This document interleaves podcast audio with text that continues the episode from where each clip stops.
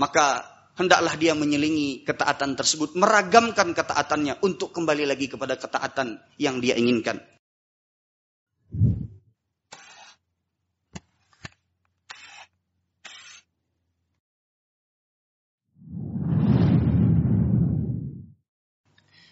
إن الحمد لله نحمده ونستعينه ونستغفره ونتوب إليه ونعوذ بالله من شرور أنفسنا ومن سيئات أعمالنا.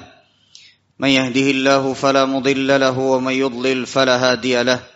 أشهد أن لا إله إلا الله وأشهد أن محمدا عبده ورسوله صلوات ربي وسلامه عليه. لا نبي ولا رسول بعده أما بعد. قال الله تعالى في كتابه الكريم يا ايها الذين امنوا اتقوا الله حق تقاته ولا تموتن الا وانتم مسلمون معاشر المسلمين jamaah Jumat rahimani wa rahimakumullahu jami'an dalam kesempatan khutbah Jumat kali ini kami mewasiatkan kepada diri kami pribadi dan kepada hadirin sekalian agar senantiasa selalu meningkatkan ketakwaan kepada Allah karena takwa adalah sebaik-baiknya bekal bagi seorang hamba bagi kehidupan dunia dan akhiratnya. Ma'asyiral muslimin, jamaah Jumat rahimani wa rahimakumullahu jami'an. Jika Allah Subhanahu wa taala takdirkan, maka sebentar lagi kita akan bertemu kembali dengan bulan yang penuh berkah, bulan suci Ramadan. Yang kita berharap bermohon kepada Allah Subhanahu wa taala semoga pada tahun ini Allah Subhanahu wa taala kembali berikan kesempatan kepada kita semua untuk mampu beribadah pada bulan yang penuh berkah tersebut. Dan di antara hal yang harus difahami oleh seorang muslim atau muslimah pada saat dia mempersiapkan dirinya untuk menyambut bulan suci Ramadan adalah bagaimana ia bisa tegar, bisa tetap, bisa istiqamah, bisa kuat untuk bisa beribadah agar ibadahnya pada bulan suci Ramadan itu maksimal dan dia bisa beribadah sebaik-baiknya dan sekuat-kuatnya. Maka di antara hal yang bisa kita lakukan yang disebutkan oleh para ulama sebagai awamilus sabat atau faktor-faktor yang bisa membuat seorang muslim atau seorang muslimah istiqamah kuat di atas ketaatan kepada Allah Subhanahu wa taala di antara yang disebutkan oleh para ulama yang pertama tentunya banyak berdoa kepada Allah Subhanahu wa taala agar supaya Allah Subhanahu wa taala berikan kepada kita kekuatan untuk sebaik-baiknya bisa beribadah pada bulan suci Ramadan tersebut dan diberikan taufik untuk bisa beribadah dengan ibadah yang baik, dengan ibadah yang benar sesuai dengan apa yang Allah Subhanahu wa taala inginkan dan dituntunkan oleh Nabi sallallahu alaihi wasallam. Ini diisyaratkan oleh Nabi sallallahu alaihi wasallam dalam sebuah hadis qulubu bani Adam kulluha baina usbu'aini min asabi'ir rahman. Kata Nabi sallallahu alaihi wasallam sungguh hati-hati anak cucu Adam itu di antara dua jari jemarinya Allah Subhanahu wa taala. Kaqalbin wahidin seperti satu hati yusarrifuha kaifa yasha. Allah Subhanahu wa taala bolak-balikkan hati anak cucu Adam itu sebagaimana yang Allah Subhanahu wa taala inginkan. Hadis sahih diriwayatkan oleh Imam Muslim. Inilah kenapa Nabi sallallahu alaihi wasallam selalu meminta kepada Allah Subhanahu wa taala, Allahumma ya muqallibal qulub, tsabbit qalbi ala dinika wa ala ta'atik. Kata Nabi sallallahu alaihi wasallam, ya Allah yang maha membolak-bolakkan hati, yang bisa membuat dalam satu saat kita rajin beribadah, yang juga bisa membuat dalam satu saat kita malas untuk beribadah. Maka kata Nabi sallallahu alaihi wasallam, tsabbit qalbi ala dinika wa ala ta'atik. Berikanlah ketetapan pada hati hambamu ini agar selalu bisa sabat, agar selalu bisa tetap di atas agama yang engkau ridai dan juga di atas ketaatan kepadamu. Dan Allah Subhanahu wa taala mengisyaratkan di dalam Al-Qur'an di dalam surah Ali Imran ayat yang ke-8 Allah Subhanahu wa taala menyebutkan tentang tanda-tanda orang yang beriman. Tanda-tanda hamba Allah Subhanahu wa taala yang saleh. Kata Allah Subhanahu wa taala mereka selalu berdoa kepada Allah, "Rabbana la tuzigh qulubana ba'da idh hadaitana." Ya Allah jangan palingkan hati kami dari ketaatan. Jangan sesatkan hati kami. Setelah engkau berikan kepada kami petunjuk. Allah subhanahu wa ta'ala juga berfirman. Tentang doa orang-orang yang saleh dalam surah Al-Baqarah ayat yang ke-285. Kata Allah subhanahu wa ta'ala. Rabbana afriq alaina sabra wa sabbit aqdamana. Rabbana, orang-orang soleh itu selalu berdoa kepada Allah subhanahu wa ta'ala. Ya Rabbana, afriq alaina sabra. Berikanlah kami kesabaran di dalam ketaatan kepadamu. Wasabbit akdamana. Dan tetapkanlah kaki-kaki kami di atas ketaatan kepadamu. Meskipun ketaatan tersebut terlihat sulit. Tapi orang-orang yang soleh selalu minta kepada Allah karena mereka sadar taufik dan hidayah itu Allah subhanahu wa ta'ala yang memberikannya. Yang kedua, di antara hal yang bisa kita lakukan untuk supaya kita bisa kuat di dalam ketaatan kepada Allah Subhanahu wa taala adalah banyak berinteraksi dengan Al-Qur'an, baik itu dengan membacanya, mentadabburinya, memahaminya ataupun menghafalkannya dan utamanya adalah mengamalkannya. Allah Subhanahu wa taala memberikan isyarat dalam firman-Nya dalam surah Al-Anfal ayat yang kedua. Kata Allah Subhanahu wa taala, "Innamal mu'minuna alladzina idza dzukirallahu wajilat qulubuhum." Sesungguhnya orang-orang yang beriman itu adalah mereka yang apabila disebutkan nama Allah Subhanahu wa taala dalam sebagian pendapat ahli tafsir maksudnya adalah mereka yang hendak berbuat salah atau pada saat mereka berbuat salah kemudian diingatkan untuk kembali kepada jalan Allah Subhanahu wa taala untuk takut kepada Allah Subhanahu wa taala. Wajilat qulubuhum maka bergetarlah hati mereka. Lalu Allah Subhanahu wa taala menyebutkan tanda orang-orang yang beriman berikutnya. Kata Allah wa idza tuliyat alaihim ayatuhu zadatuhum imana dan apabila dibacakan kepada mereka, apabila mereka mendengar firman-firman Allah, ayat-ayat Allah Subhanahu wa taala, zadathum imana, maka bertambahlah keimanan mereka. Bertambah kuatlah mereka di atas keimanan mereka, di atas ketaatan mereka. Maka para ulama mengambil kesimpulan dari ayat ini bahwasanya orang-orang yang sering mendengarkan Al-Qur'an dan juga membaca Al-Qur'an, maka keimanannya akan stabil maka keimanannya akan bertambah, maka kuatlah mereka di dalam ketaatan kepada Allah Subhanahu wa taala. Maka untuk menyambut bulan suci Ramadan ini, mari kita sama-sama memperbanyak untuk kembali membuka mushaf-mushaf kita yang sekarang sudah berdebu. Mari kita memulai dari saat ini untuk membaca Al-Quran. Jangan nunggu sampai datangnya bulan suci Ramadan. Dari sekarang, mulailah membaca Al-Quran. Mulailah kita untuk memperbanyak tadarus Al-Quran, mempelajari Al-Quran, membaca tafsir-tafsirnya karena ini termasuk di antara salah satu yang bisa menguatkan kita untuk beribadah kepada Allah Subhanahu wa taala. Kemudian yang ketiga, di antara hal-hal yang bisa kita lakukan untuk bisa tetap tegar di atas ketaatan kepada Allah Subhanahu wa taala adalah disebutkan oleh para ulama tanwi'ut ta'at, yaitu meragamkan ketaatan atau bisa kita sebut dengan apabila kita sudah mulai letih dengan satu ketaatan, maka selingilah ketaatan tersebut dengan ketaatan yang lain. Sebagai contoh, misal kita membaca Al-Quran, kemudian kita sudah merasa mulai letih, mulai lelah dengan membaca Al-Quran tersebut karena kondisi fisik kita yang mungkin kurang sehat dan lain sebagainya. Ketika kita merasa bahwasanya sudah ada perasaan letih lelah, maka selingilah membaca Al-Quran tersebut dengan ibadah yang lain. Beristirahat sebentar. Kemudian mungkin berzikir, kemudian mungkin kita sholat atau mungkin bersedekah, berinfak. Lalu kembali lagi kepada ketaatan tersebut. Maka ini termasuk daripada salah satu yang bisa menguatkan seorang hamba agar seorang hamba tersebut tidak bosan di dalam satu ketaatan itu saja. Maka hendaklah dia menyelingi ketaatan tersebut, meragamkan ketaatannya untuk kembali lagi kepada ketaatan yang dia inginkan.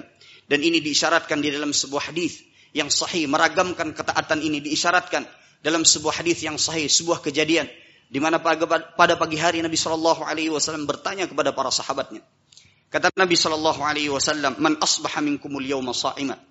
Siapa di antara kalian yang subuh ini sedang dalam keadaan berpuasa? Maka kata Abu Bakar radhiyallahu taala anhu, "Ana ya Rasulullah." Saya wahai Rasulullah yang sedang dalam keadaan berpuasa.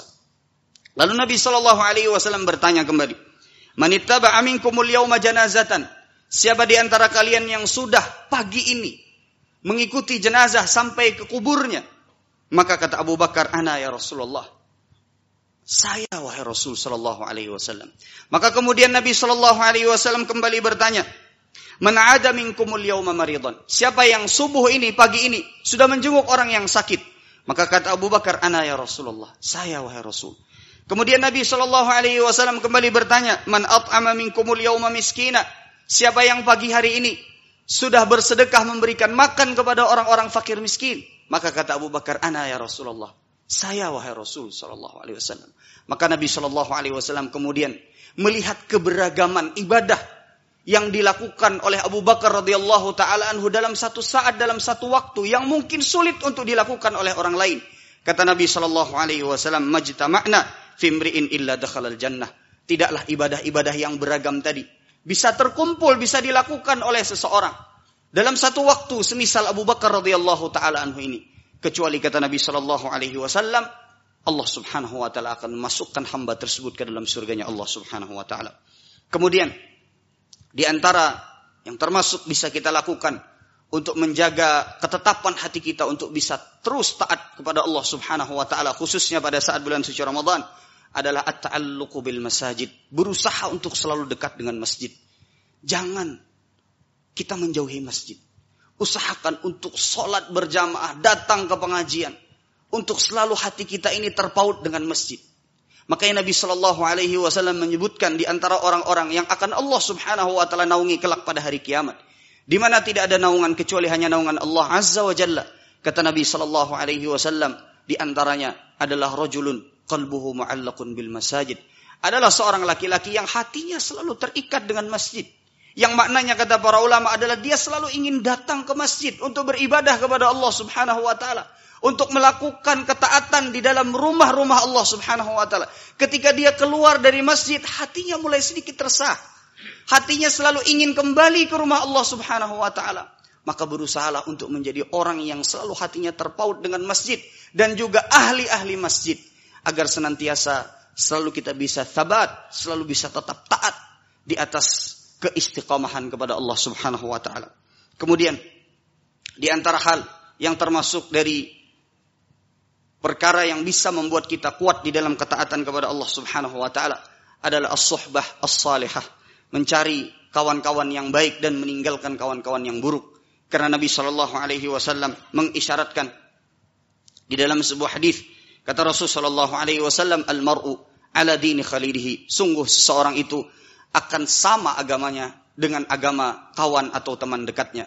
Maka pada saat ini menjelang bulan suci Ramadan atau bahkan nanti setelah kita keluar dari bulan suci Ramadan, tapi khususnya yang paling utamanya pada saat ini adalah menjelang bulan suci Ramadan, maka berusahalah untuk mencari kawan-kawan yang baik dan berusahalah untuk mulai membuat jarak dengan orang-orang yang tidak baik, dengan kawan-kawan yang tidak baik.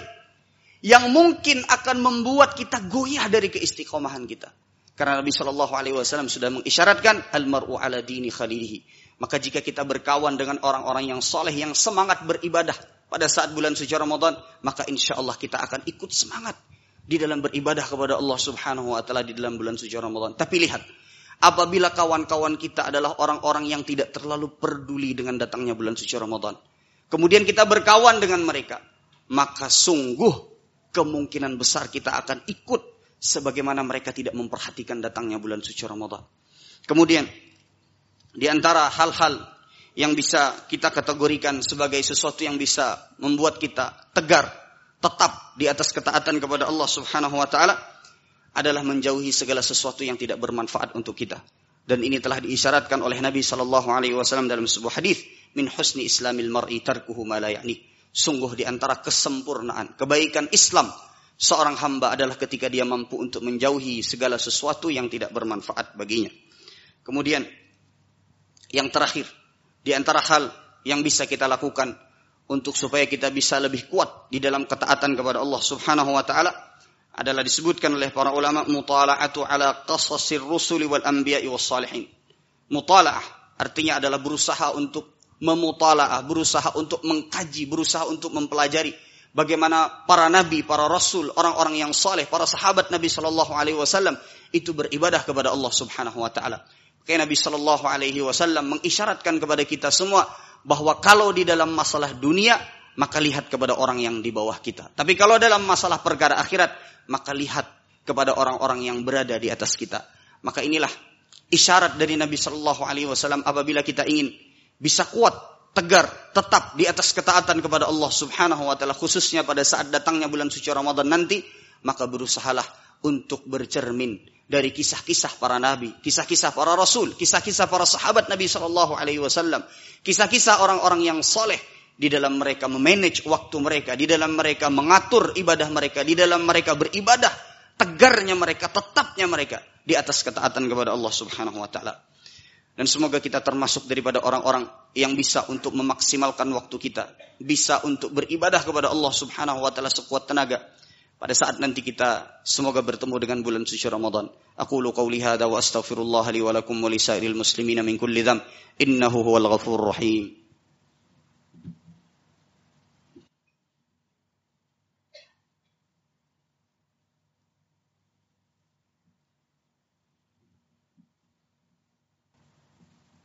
إن الحمد لله نحمده ونستعينه ونستغفره ونتوب إليه ونعوذ بالله من شرور أنفسنا ومن سيئات أعمالنا. من يهده الله فلا مضل له ومن يضلل فلا هادي له. أشهد أن لا إله إلا الله وأشهد أن محمدا عبده ورسوله. لا نبي ولا رسول بعده. أما بعد معاشر المسلمين رحمني ورحمكم الله جميعا. Kita memohon kepada Azza wa Jalla Semoga Allah Subhanahu wa taala memberikan kekuatan kepada kita di dalam beribadah menghambakan diri kepada Allah Subhanahu wa taala. Dan semoga Allah Subhanahu wa taala selalu menunjuki kepada kita semua jalan yang lurus dan semoga Allah Subhanahu wa taala menjauhkan kita dari segala macam keburukan dunia dan keburukan akhirat. Dan semoga Allah Subhanahu wa taala menjadikan kita orang-orang yang akan masuk ke dalam surganya Allah Subhanahu wa taala bersama orang-orang yang kita cintai. Allahumma salli ala Muhammad وعلى آل محمد كما صليت على إبراهيم وعلى آل إبراهيم إنك حميد مجيد. وبارك على محمد وعلى آل محمد كما باركت على إبراهيم وعلى آل إبراهيم إنك حميد مجيد. اللهم اغفر للمؤمنين والمؤمنات الأحياء منهم والأموات ويا قاضي الحاجات. اللهم إنا نسألك الهدى والتقى والعفاف والغنى. اللهم إنا نسألك الثبات في الدين. اللهم إنا نسألك الثبات على الطاعة. اللهم إنا نسألك علما نافعا ورزقا طيبا وعملا متقبلا. اللهم إنا نسألك فعل الخيرات وترك المنكرات وحب المساكين. وإذا أردت بعبادك فتنة فاقبضنا إليك غير مفتونين. ربنا هب لنا من أزواجنا وذرياتنا قرة أعين واجعلنا للمتقين إماما. ربنا آتنا في الدنيا حسنة وفي الآخرة حسنة وقنا عذاب النار. وسلام على المرسلين والحمد لله رب العالمين. وأقيموا الصلاة. Terima kasih. Jazakumullah khairan wa barakallahu fikum. Video ini dibuat atas partisipasi dari donasi Anda. Semoga menjadi amal jariah bagi Anda semuanya.